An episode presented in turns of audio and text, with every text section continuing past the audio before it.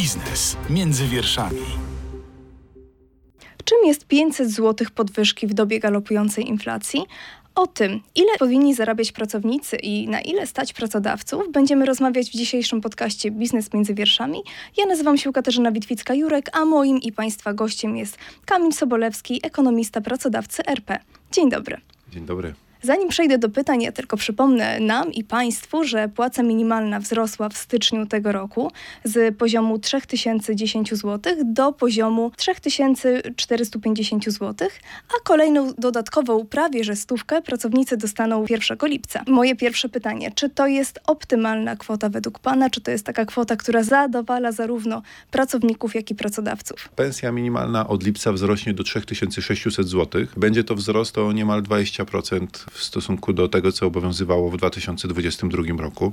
Z płacami zawsze jest tak samo. Ci, którzy je dostają, uważają, że one są zbyt niskie a ci, którzy je płacą, mają poczucie, że to dla nich y, ogromny koszt. Myślę, że warto wspomnieć, że taka płaca 3600 zł z punktu widzenia pracodawcy to jest prawie 4,5 tysiąca złotych kosztów, a zatem to też nieco inaczej wygląda dla pracownika, który dostaje pensję netto poniżej 3000 zł i pracodawcy, który prawie 5 tysięcy musi na tą płacę wydać. No właśnie, pomówmy najpierw o perspektywie przedsiębiorcy. Czy przedsiębiorców na to stać też w obliczu takich warunków makroekonomicznych, że po prostu przedsiębiorstwa często teraz walczą o płynność finansową? Ja myślę, że nie ma na to pytanie uniwersalnej odpowiedzi. Myślę, że to wszystko zależy od indywidualnej sytuacji konkretnego przedsiębiorcy. Oceniam, że w wielkich miastach, w firmach o wysokiej wartości dodanej, czyli takiej, takich, które faktycznie są w stanie zbudować dość konkurencyjne produkty, czy to towary, czy usługi, ta płaca minimalna to i tak jest kwota, do której nie zbliżają się nawet pracownicy najniższego szczebla.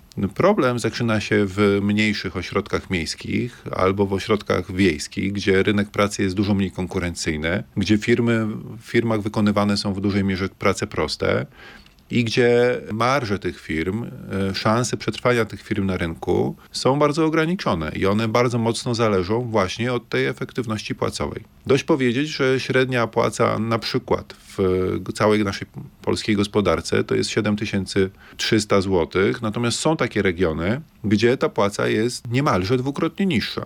Miałem okazję brać ostatnio udział w konferencji w Kaliszu. Jeden z ogólnopolskich polityków, którzy pochodzi z tamtego regionu, stwierdził, że w Kaliszu płaca średnia wynosi 4000 zł.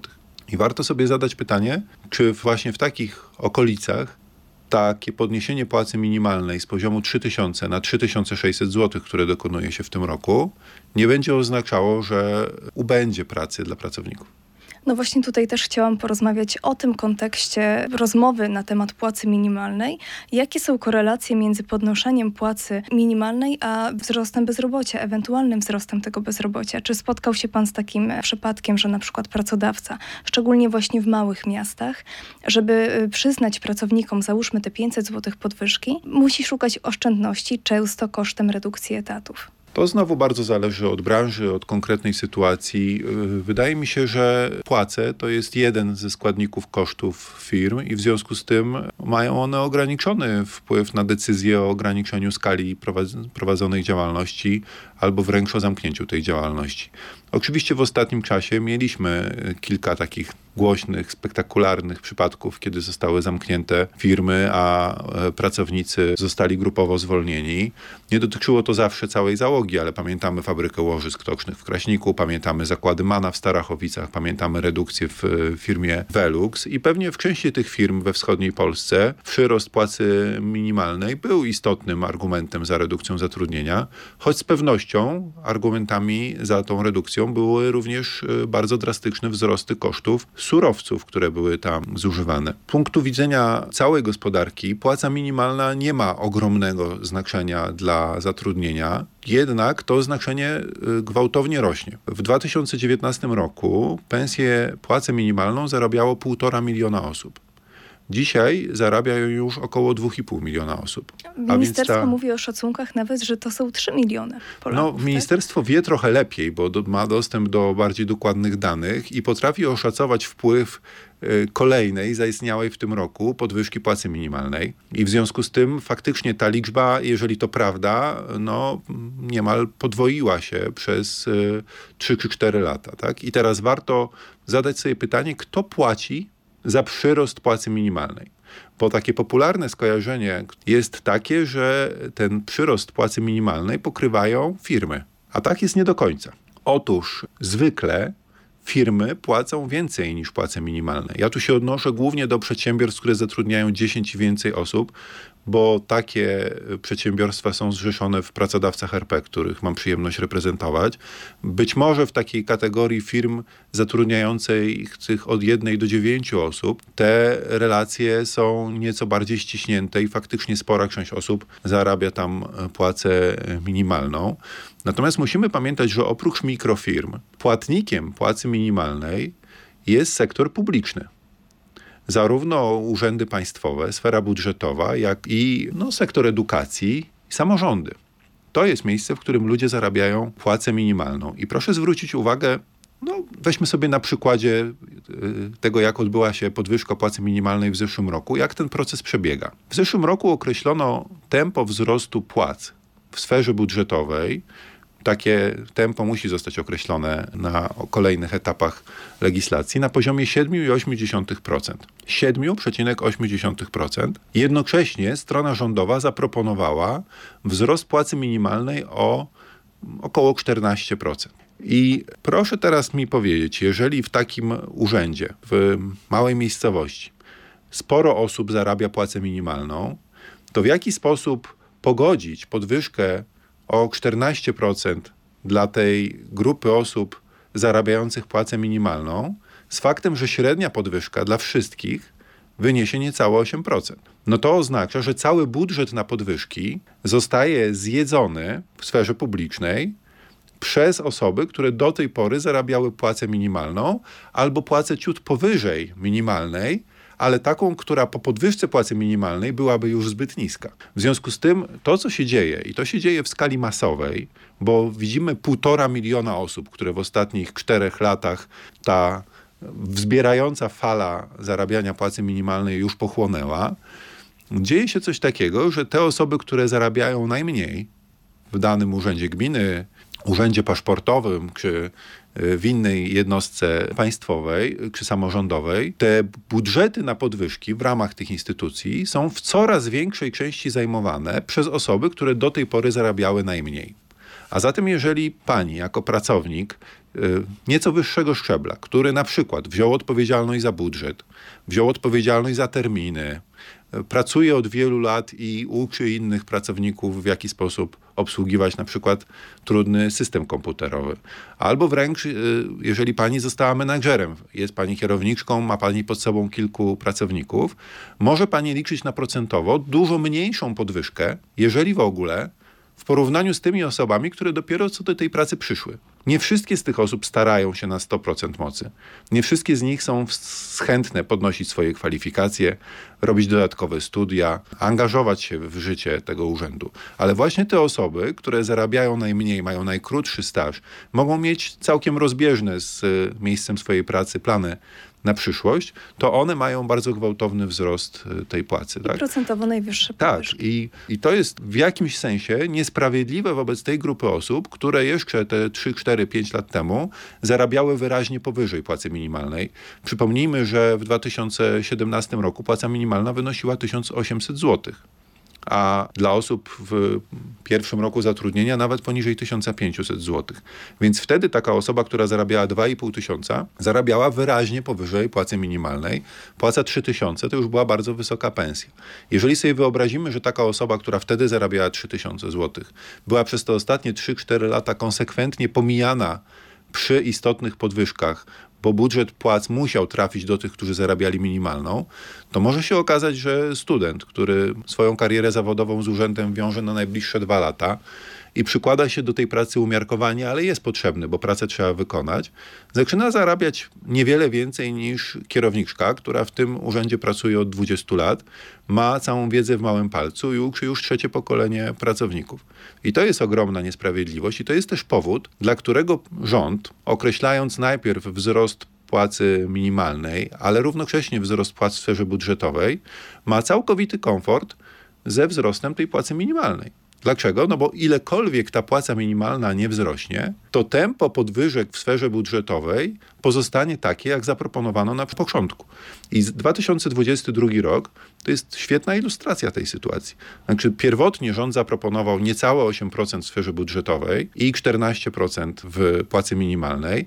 Ostatecznie płaca minimalna w przyszłym roku wzrośnie o 19,6% z 3010 do 3600 zł, a zatem o 590 zł, ale tego budżetu na podwyżki w sferze budżetowej nie podniesiono ani o jotę. Słuchasz podcastu Radio Z. Rząd proponując w 2022 roku podwyżkę płacy minimalnej o 14% w tym roku, napisał, że może to się skończyć wzrostem czy trudnościami w wejściu na rynek pracy dla osób, które dopiero zaczynają swoją drogę zawodową, są w mniejszych ośrodkach miejskich, są mniej zdolne, mniej wykształcone, mniej przedsiębiorcze. I ten sam rząd bez dodatkowych wyjaśnień kilka miesięcy później podniósł ten wzrost płacy minimalnej z 14 na średnio 19% w tym roku, a zatem o kolejne 5 punktów procentowych.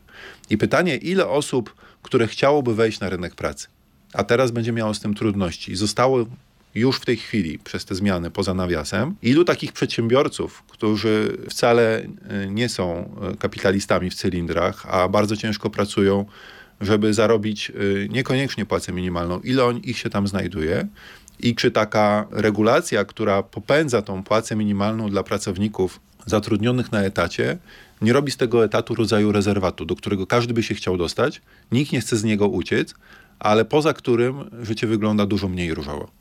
To pomyślmy teraz, jakby wyglądał świat, gdyby nie było takiej państwowej ingerencji w postaci ustawy o płacy minimalnej. Płacę minimalną według szacunków resortu, jak wspomnieliśmy, pobiera 3 miliony Polaków. Wielu z nich nie otrzymuje żadnej innej podwyżki i prawdopodobnie żadnej innej w przeciągu całego swojego życia zawodowego nie otrzymało, jak właśnie podwyżkę wynikającą z ustawy o płacy minimalnej, czyli ustawowa podwyżka.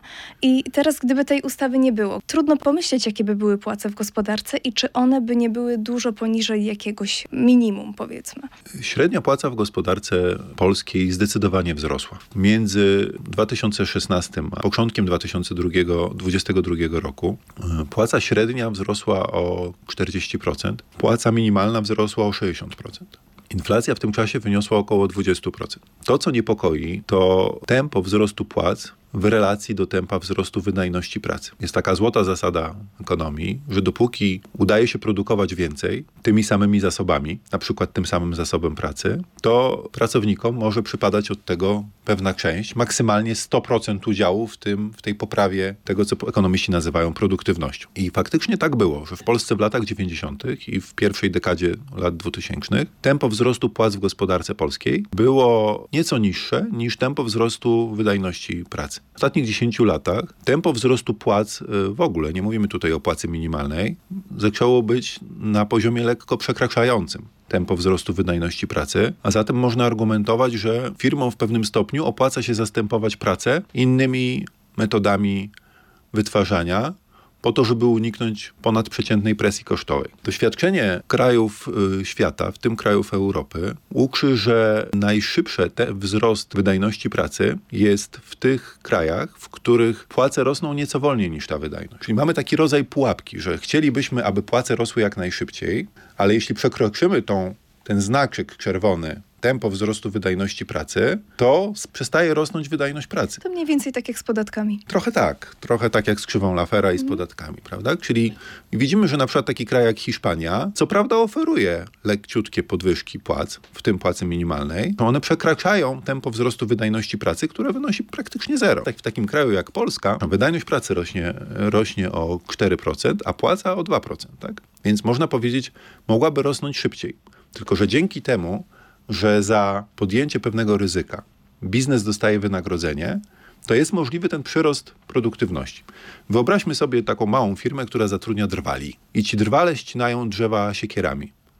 Można oczywiście poprawić ich efektywność pracy poprzez naostrzenie siekier albo dobre szkolenie, ale nie ma pewnie lepszej metody na poprawę ich wydajności pracy niż wręczenie im pił elektrycznych i przeszkolenie ich z ich użytku. I pytanie, które się tutaj pojawia, jest następujące: czy jeżeli firma, która ich zatrudnia, zdecyduje się wziąć te maszyny w leasing, podjąć zobowiązanie na 3 lata, że będzie te leasingi spłacać, to jaka część pożytku z tej zmiany organizacji pracy należy się pracownikom w sferze wypowiedzi publicznej? Funkcjonują opinie, że pracownikom powinno się należeć 100% tych korzyści.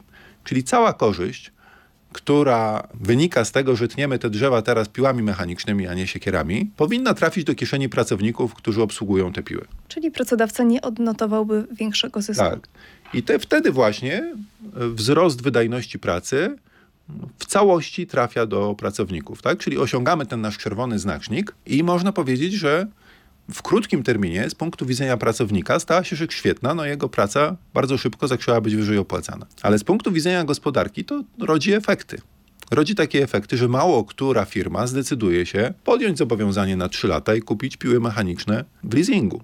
Zamiast tego prawdopodobnie będą się firmy trzymały starych metod wytwarzania, no bo skoro i tak z tej, nazwijmy to, rewolucji przemysłowej nie skapnie im zbyt wiele pożytków, to po co podejmować to ryzyko biznesowe, tak? I w związku z tym właśnie w takich krajach, w, którym, w których ten czerwony znacznik osiągnięto, tempo wzrostu wydajności pracy spada. Natomiast w takich krajach, w których w jakikolwiek sprawiedliwy sposób, tak, dzielimy się tym przyrostem wydajności, okazuje się, że pojawia się motywacja, aby ta wydajność rosła. Pośród krajów Unii Europejskiej Polska charakteryzuje się jednym z najszybszych przyrostów tempa wydajności pracy. I co prawda, nieco ponad połowie zwraca to tempo pracownikom, ale to również oznacza, że jest w pierwszej trójce albo w pierwszej piątce krajów w Europie, jeśli chodzi o tempo wzrostu płac realnych. Po prostu dzięki temu, że nie, firmy nie są przesadnie szczodre z tym dzieleniem się z pracownikami, dzięki temu następuje ta poprawa produktywności, która umożliwia długofalowy wzrost płac. Myślę, że na ten aspekt bardzo warto zwrócić uwagę. To jest trochę tak jak z takim ziarnem. Tak? Jeżeli zjemy cały zapas ziarna, no to nie będzie na zasadzie za kolejny rok. Możemy na to popatrzeć jak na taką inwestycję. Jeśli zdecydujemy się część tego wyprodukowanego ziarna zostawić tym firmom, które w jakimś sensie przyczyniły się do tego wzrostu wydajności pracy, to wówczas e, w kolejnym okresie mamy znowu dużo ziarna do podziału. Czyli podsumowując, niezbędna jest regulacja w postaci tej ustawy o płacy minimalnej, ale te płace minimalne rosną y, Pana zdaniem za szybko. Regulacja dotycząca płacy minimalnej, ona była bardzo potrzebna w 2002 roku, kiedy firmy o często niskiej kulturze korporacyjnej potrafiły powiedzieć pracownikom, na twoje miejsce mam trzech innych, pracuj za grosze, bo jak nie, to cię wymienię. To była bezpośrednia przyczyna wprowadzenia tej regulacji. Moim zdaniem najlepiej jest dla pracowników, jeśli nie ma takiego ryzyka, bo jest konkurencyjny rynek pracy. Jednocześnie uważam, że płaca minimalna jest pewną zdobyczą cywilizacyjną. I ona jest właśnie po to, żeby nawet gdyby takie sytuacje się zdarzyły, to żeby się nie pojawiała eksploatacja pracowników przez stronę silniejszą w kontrakcie. Natomiast cały czas podkreślam, że najlepiej dla pracownika nie jest być stroną słabszą w kontrakcie, tylko mieć prawo i możliwość wyboru z nieograniczonej puli ofert.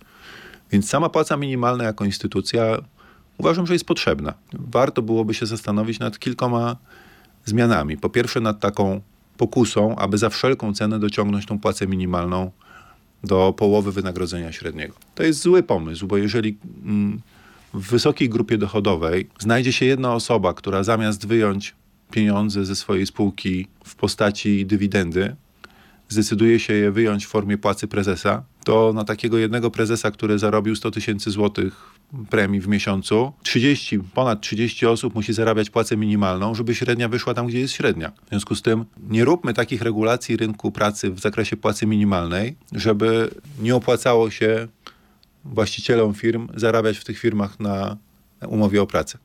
Bo to tylko obniża dochody podatkowe, obniża dochody ZUS-u, wypycha sposób świadczenia pracy na poziom kapitałowy, na czerpanie zysków z firm, a w żaden sposób nie przyczynia się do poprawy dobrobytu tych maluczkich, dla których ta regulacja powinna być yy, stworzona. Drugi pomysł, który mi się wydaje istotny, czyli obok odejścia od tego udziału płacy minimalnej w płacy średniej po 50%. Myślę, że ten parametr spokojnie można byłoby trzymać na 40%, przynajmniej na poziomie ogólnokrajowym.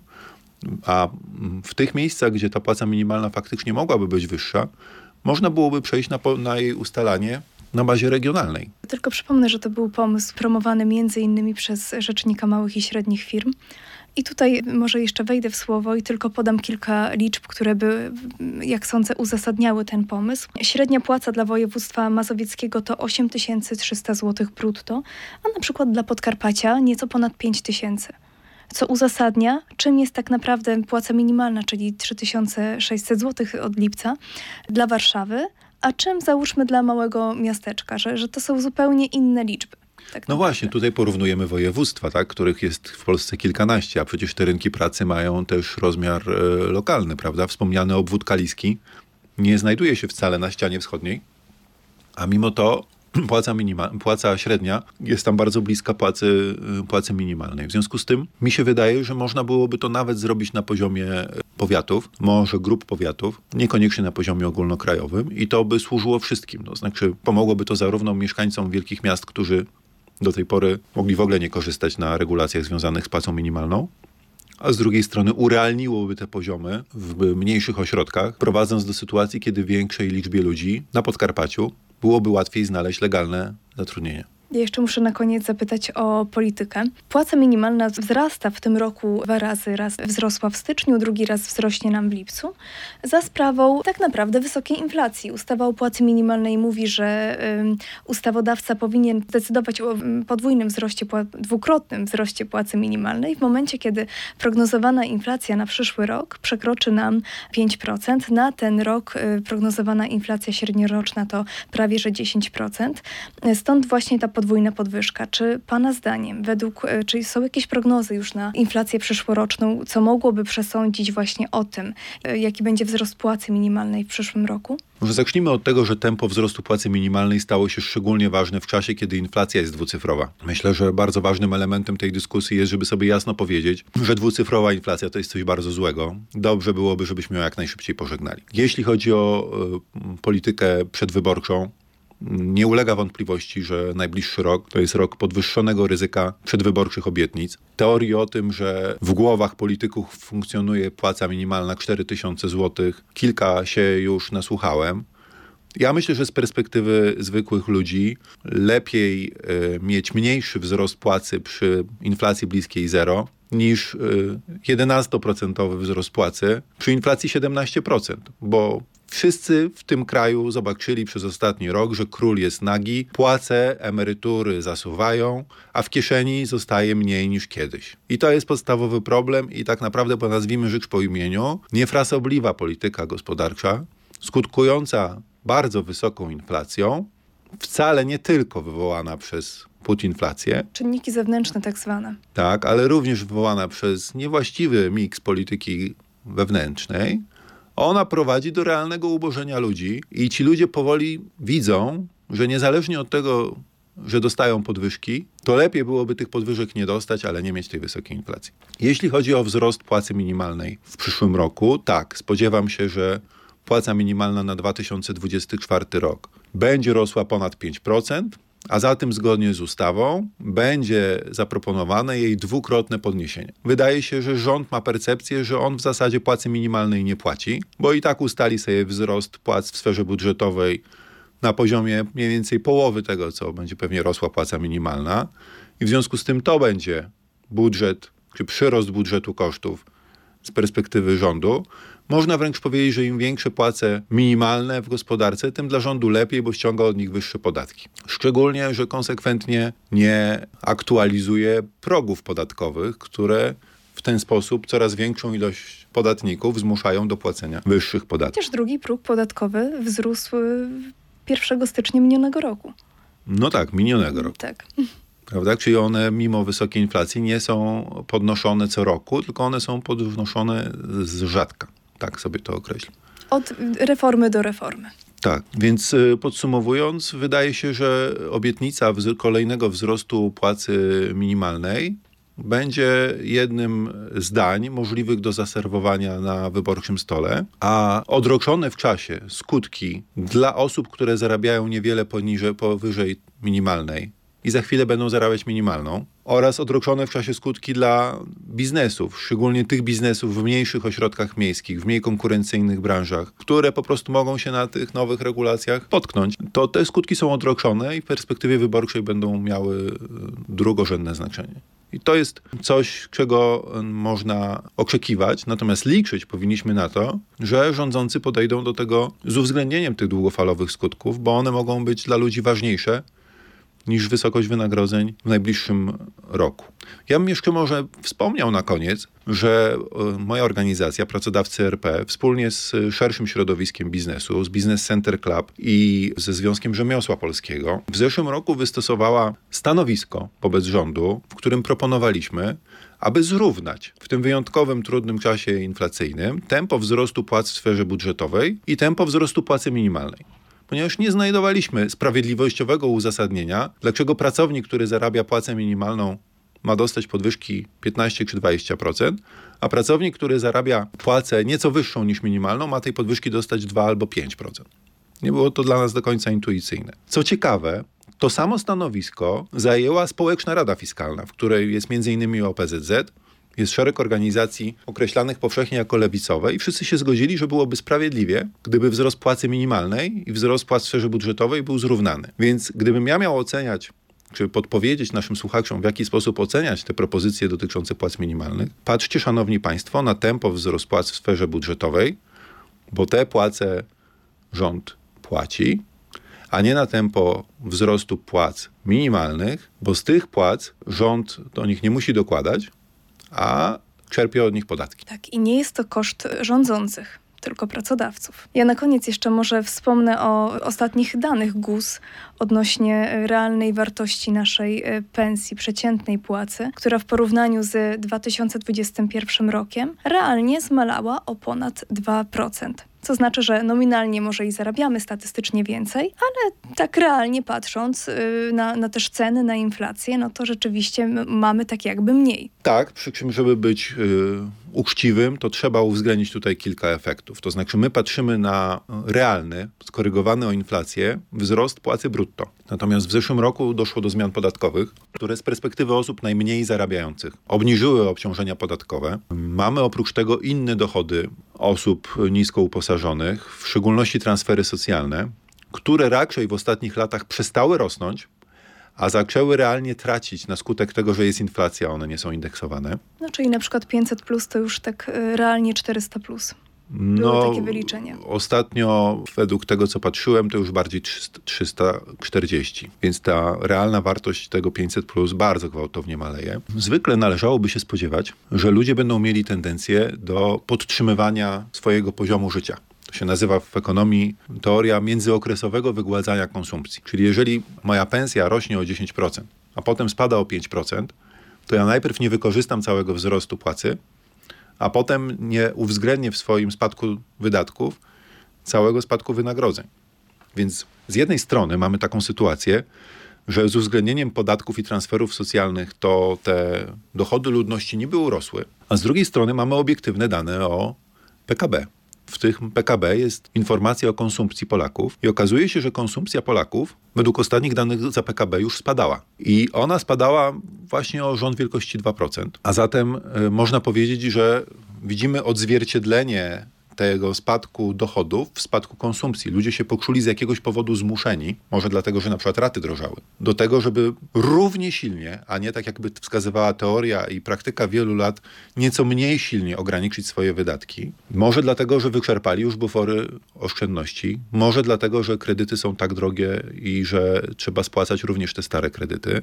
Pamiętajmy, że w tym wszystkim jeszcze są Ukraińcy. Spadek konsumpcji w Polsce obejmuje wszystkich ludzi, którzy w Polsce konsumują również te 3, może nawet 4% nowych obywateli, którzy do naszego kraju przybyli, jak również być może tą konsumpcję, którą oni pośrednio w Polsce realizują, kiedy kupują w Polsce zakupy i wiozą je na Ukrainę. Więc jeżeli uwzględnimy, że z tego z tej malejącej puli konsumpcji jeszcze minimum 3% ląduje w garnkach osób świeżo przybyłych do naszego kraju, a być może jest to 5 lub nawet 7%, to to oznacza, że realna stopa życiowa Polaków przez ostatni rok niezmiernie się obniżyła.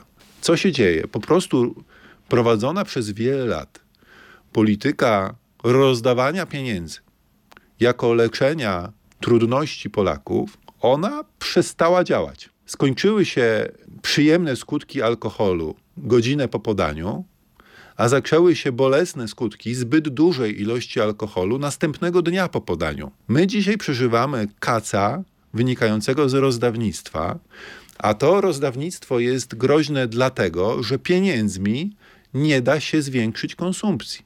Znaczy, jeżeli pani dzisiaj dostanie milion, to pani może iść do sklepu i z bardzo niewielkim wpływem na ogół produktów i usług dostępnych w Polsce zacząć żyć jak królowa. I to zadziała, ale tylko dla jednej pani.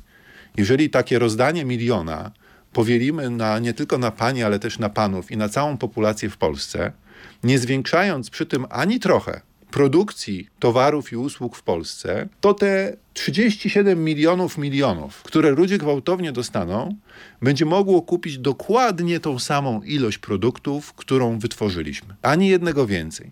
Może na początku będzie nas stać na to, żeby podnieść import, ale za chwilę się okaże, że tych złotówek, które chcą kupić waluty obce, jest tak dużo, że traci złotówka.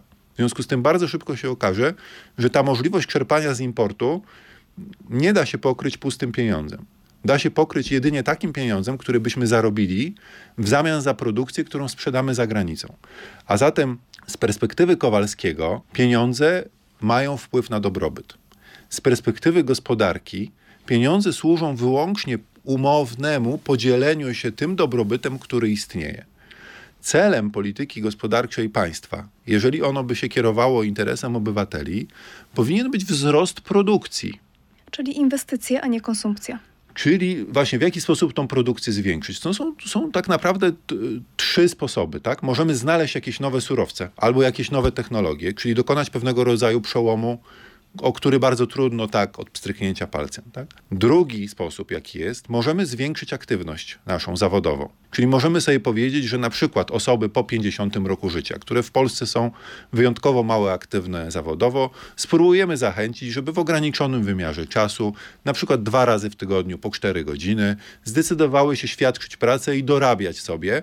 I to, co jest ważne, to nie tylko chodzi o pieniądze, które one zarobią, ale też o dobrobyt, który one wytworzą przez te 8 godzin w tygodniu. Tak? O ten dobrobyt chodzi, bo ten dobrobyt więcej będziemy mogli skonsumować. No jest jeszcze trzeci sposób, spowodować, że firmy będą chciały inwestować, będą chciały kupować w leasingu te piły, dzięki której ta sama ilość pracowników podobnym nakładem pracy wytworzy więcej drewna. No bo wtedy będziemy mogli zjeść więcej drewna, tak? Nie ma trzeciej, czwartej albo piątej drogi tutaj. Jakby, jeżeli my w Polsce wytwarzamy określoną ilość dóbr i usług i zaczynamy rozdawać więcej pieniędzy, to nie natychmiastowym, gospodarka nie działa z efektem natychmiastowym, ale po roku, dwóch, trzech, pięciu, efektem tego rozdawnictwa, które zobaczymy, będzie wzrost cen. Efektem państwowego rozdawnictwa jeżeli schodzimy na politykę, trwającego przez lata 2017, 18, 19, 20, 21 i 22, jest inflacja w roku 2023 i ona odbiera ludziom dokładnie to, co dało im wcześniejsze rozdawnictwo. Mało tego, o ile rozdawnictwo trafiało również do osób lepiej sytuowanych, bo na przykład 500 plus, ja również dostałem 500 plus, zarabiając wyraźnie ponad przeciętną, o tyle teraz ta inflacja odbiera dochody, czy odbiera siłę nabywczą wszystkim. I najbardziej na tym cierpią te osoby, które, żeby przeżyć, muszą wydać 100% swoich dochodów. W ich przypadku 100% dochodów podlega temu podatkowi inflacyjnemu. Jeżeli ktoś do tej pory oszczędzał 80%, przepraszam, oszczędzał 20%, wydawał 80% swoich dochodów, no to w jakimś sensie te 20% jest chronione przed tym podatkiem inflacyjnym. Może spróbować przeczekać albo zainwestować, prawda? Więc musimy sobie uświadomić, i to może jest trochę, wydaje się polityczne, ale tak naprawdę to jest prawda, która jest apolityczna. Ona jest po prostu obiektywna. Że większy dobrobyt bierze się z większej produkcji, a nie z większej ilości pieniędzy. Mówił Kamil Sobolewski, pracodawca RP. Polecamy rządzącym przed wyborami. Dziękuję Państwu bardzo, dziękuję pięknie za rozmowę. Polecam Państwu wszystkie podcasty Biznes Między Wierszami. Można nas słuchać na YouTubie, na Spotify, a także na playerze Radio Z. Mówiła Katarzyna Bitwicka-Jurek. Dziękuję i do usłyszenia. Biznes między wierszami. Więcej podcastów na player radioz.pl.